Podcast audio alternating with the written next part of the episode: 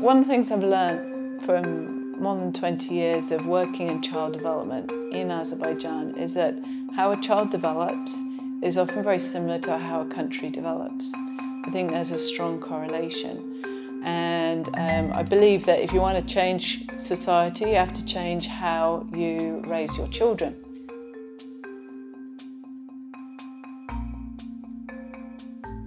The early years, uh, commonly uh, zero to five, these are considered the foundation years for a child's whole future development. This is a time when their brains are forming, and their brains form by millions of neural pathways um, joining together with every new experience that the child has. So everything they see, everything they hear, everything they touch, everything they experience creates these neural pathways, and the brain just gets bigger and bigger as a result. So that's why it's so important in the early years to create as much opportunity for your child to see, hear, touch, smell, talk, as many different experiences as possible because then you're contributing to uh, a bigger, more uh, connected brain that then forms the foundation for all future brain development. Whereas in a child where they've had very minimal attention or minimal interaction with adults, in those early years, their brain development is significantly reduced, and there's plenty of scientific research and brain scans and so on to, to prove that, to show it. So that's why the early years are so important um, for all children. Well, children go through stages of development from birth. So the first six months, they're feeling everything. It's a sensory stage, so that's why you often see babies put everything to their mouths because that's how they're learning what something is. And uh, all the skin is a huge sensory organ that's feeding all this information to the brain. So, first six months of a child's life, they're just touching, feeling, you know, learning who they are in relation to their environment. Then they go through this exploratory phase where, where they're trying to figure out what everything is. So that's when you see children start to break things, open things, crawl into everything because they're trying to explore. And through this exploration, um, they're opening their minds, they're starting to think at a very basic level. Then they get into a construction phase where they're starting to make things. Um, this is where their creativity, their imagination starts to really develop. Um, and then they move into the social phase. And this is usually about two and a half years old, um, which is uh, often the time when children go to kindergarten. Because in this social stage, this is when they're starting to learn to play with other children, they're learning to share. Um, so they're learning empathy and tolerance at that age because they're um, playing with kids, you know, and you see the classic fight between two children over one toy. But they have to go through that fight because they're learning how to share, how to give and take. And if they don't learn that at that age, it's unlikely they're going to learn it as they get older. And you can imagine what an adult is like who hasn't learnt creativity, imagination, sharing, empathy as a child. They're not going to develop those uh, characteristics particularly easily as an adult if they haven't experienced it as a child. So that's why this sort of early years education, kindergarten, preschool, so valuable, especially for children from low income families. Um, this tends to be not it's not a judgment it's not a fault but often people in low income families they're very stressed they're more concerned about how to feed the family um, or they may not be there because they're working all the time. And so the child from a low income family is often uh, often doesn't get the attention that he or she may need. And this contributes to um, less development delayed development uh, particularly in speech because if somebody's not talking to the child, explaining what things are, playing with the child, the child isn't learning. Child learns speech from seeing their parents mimicking them. A parent says, "Oh, look at this blue car." The child is learning what a blue car is because the parent is explaining it to them verbally. Um, and so if a child isn't getting that experience with their own parents or with other adults in the family, their learning is delayed. And we've seen that in our work. We did a survey um, a couple of years ago of, of children zero to four years old, not disabled, typical children. And we found that 34% of these children were delayed, um, in, particularly in their speech and communication, because they weren't getting enough interaction with family when they were young and they're not going to preschool or kindergarten, so they're not socializing with other children. And this is having an impact on their development. So that's why preschool, particularly for um, low income families, is so valuable for their child because it will help them to catch up on that developmental delay. One of the things I've learned from more than 20 years of working in child development in Azerbaijan is that how a child develops is often very similar to how a country develops. I think there's a strong correlation. And um, I believe that if you want to change society, you have to change how you raise your children. So if you're always telling your children, no, be quiet, sit down, don't move, don't do this, don't touch that, you're a girl, you mustn't be doing that, you're a boy, be, you know, don't cry. What kind of society are, are you creating if that is the way you're raising children? So, uh, how we talk to our children, how we pass our judgments or society's judgments onto our children, does then perpetuate how society continues to treat male, females, children. Um, by and the gender issue is particularly uh, worrying because when we try and put people into these stereotypes male stereotypes, female stereotypes. If uh, that child isn't identifying in that way at all, doesn't feel that they are a pretty little girl in pink who sits quietly, uh, but we're making them, then this is going to really affect that child's confidence, self esteem. They may grow up, they'll either grow up so broken that they will just sit there quietly, or they will rebel um, and we, you know, none of us want children who rebel because then that takes them into drugs, alcohol, and all sorts of uh, behavior that can harm them. So by trying to uh, enclose a child or oppress a child, we can create a lot of untold, uh, unknown damage to that child as, as he or she grows up. It's a process.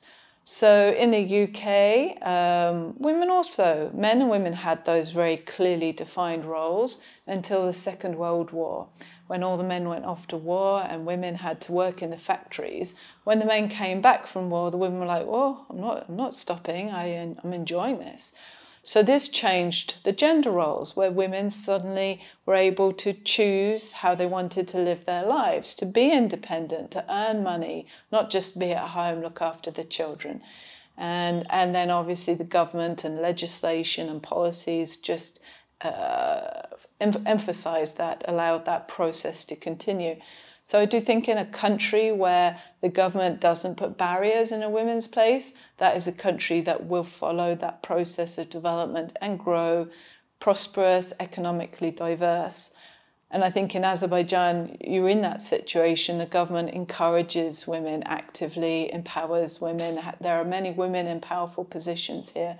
And so everything is, is in place to allow women to grow and develop themselves. I think women now need to learn that they can and there's nothing to stop them and they need to start um, overcoming these social barriers around them and start living their own lives. As people, as adults, start learning more about how children learn and how they develop, then as adults we start to understand more about the psychological um, damage we often do without realizing it. For example, when we compare our child to somebody else's child. Oh, look at little Emin, look how great he is in, in mathematics. I wish you would be like him. As a parent, you may think that you're encouraging and motivating your child, but often it has the opposite effect. It leads to confidence issues, low self esteem. Maybe the child just gives up and thinks, I'll never be like Emin, so I'm not even going to try. Yeah. So I think as a parent, uh, as adults, we need to understand a lot more about the psychological damage that we can cause to our children um, by not knowing how they react to the things that we say to them, how it impacts on their psychological development. So we, as as uh, we learn more, we we understand the value of tolerance. We're all different. We all look different. We all think different. Um, and so comparing ourselves to somebody else or comparing our children to other people's children, um, it, it it never produces a, a, positive impact or rarely does but to, to produce a positive impact as a parent you've really really got to know your child very well. You really got to be able to observe and analyze a situation to know whether the words you come out with will actually motivate your child or not.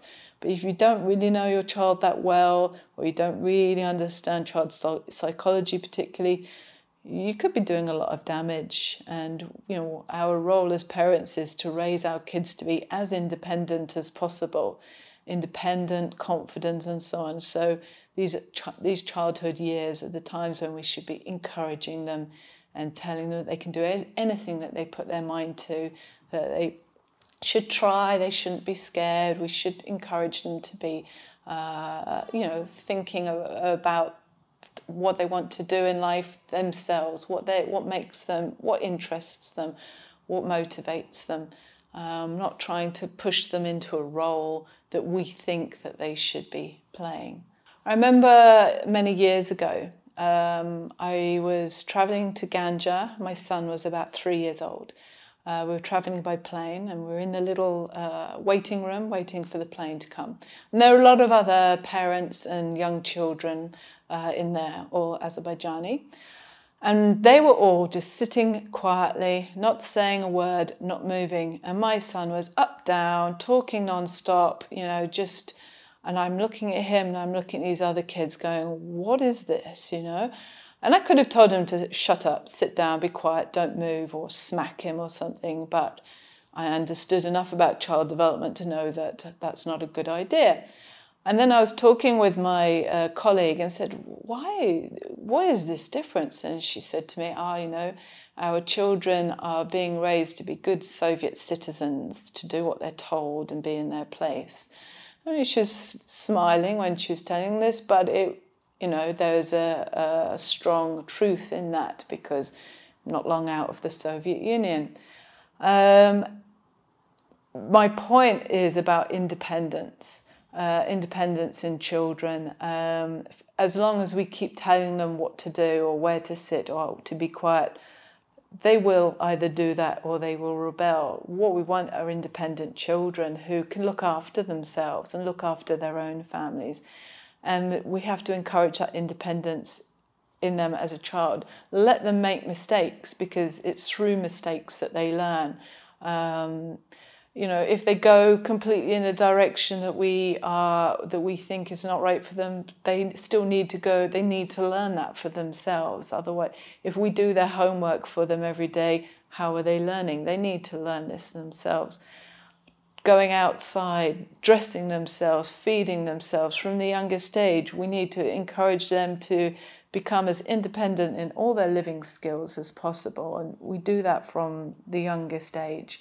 Um, and I've seen too often, you know, children who are four years old, five years old, still being fed by their parents um, or still being dressed by their parents. But, you know, they should be able to do this themselves by that point. And if we keep feeding them and keep dressing them, they will always be dependent on us as adults. That's nice, and I'm sure there are many adults who actually want that and think that's a great thing, you know, keep the family together. Um, but it's not so good for that child. How will they really become good parents themselves if they're not learning how to look after themselves from a young age? Um, and I just, uh, in a, a, country that's changing from Soviet system to a market economy, from country's perspective, it needs a population that can be independent, that can be decision makers, that can initiate um, in order to be progressive and econo- economically independent. So it's in everybody's interests, actually, um, to encourage independence in a child because that will then change and shape society and help this society to become more diverse, more economically productive, and and uh, uh, and if create families that the children want to come back to, not have to come back to, you know, every Sunday or every holiday. And I think that's what we want really with our kids that they want to come and see us, not that they have to come and see us.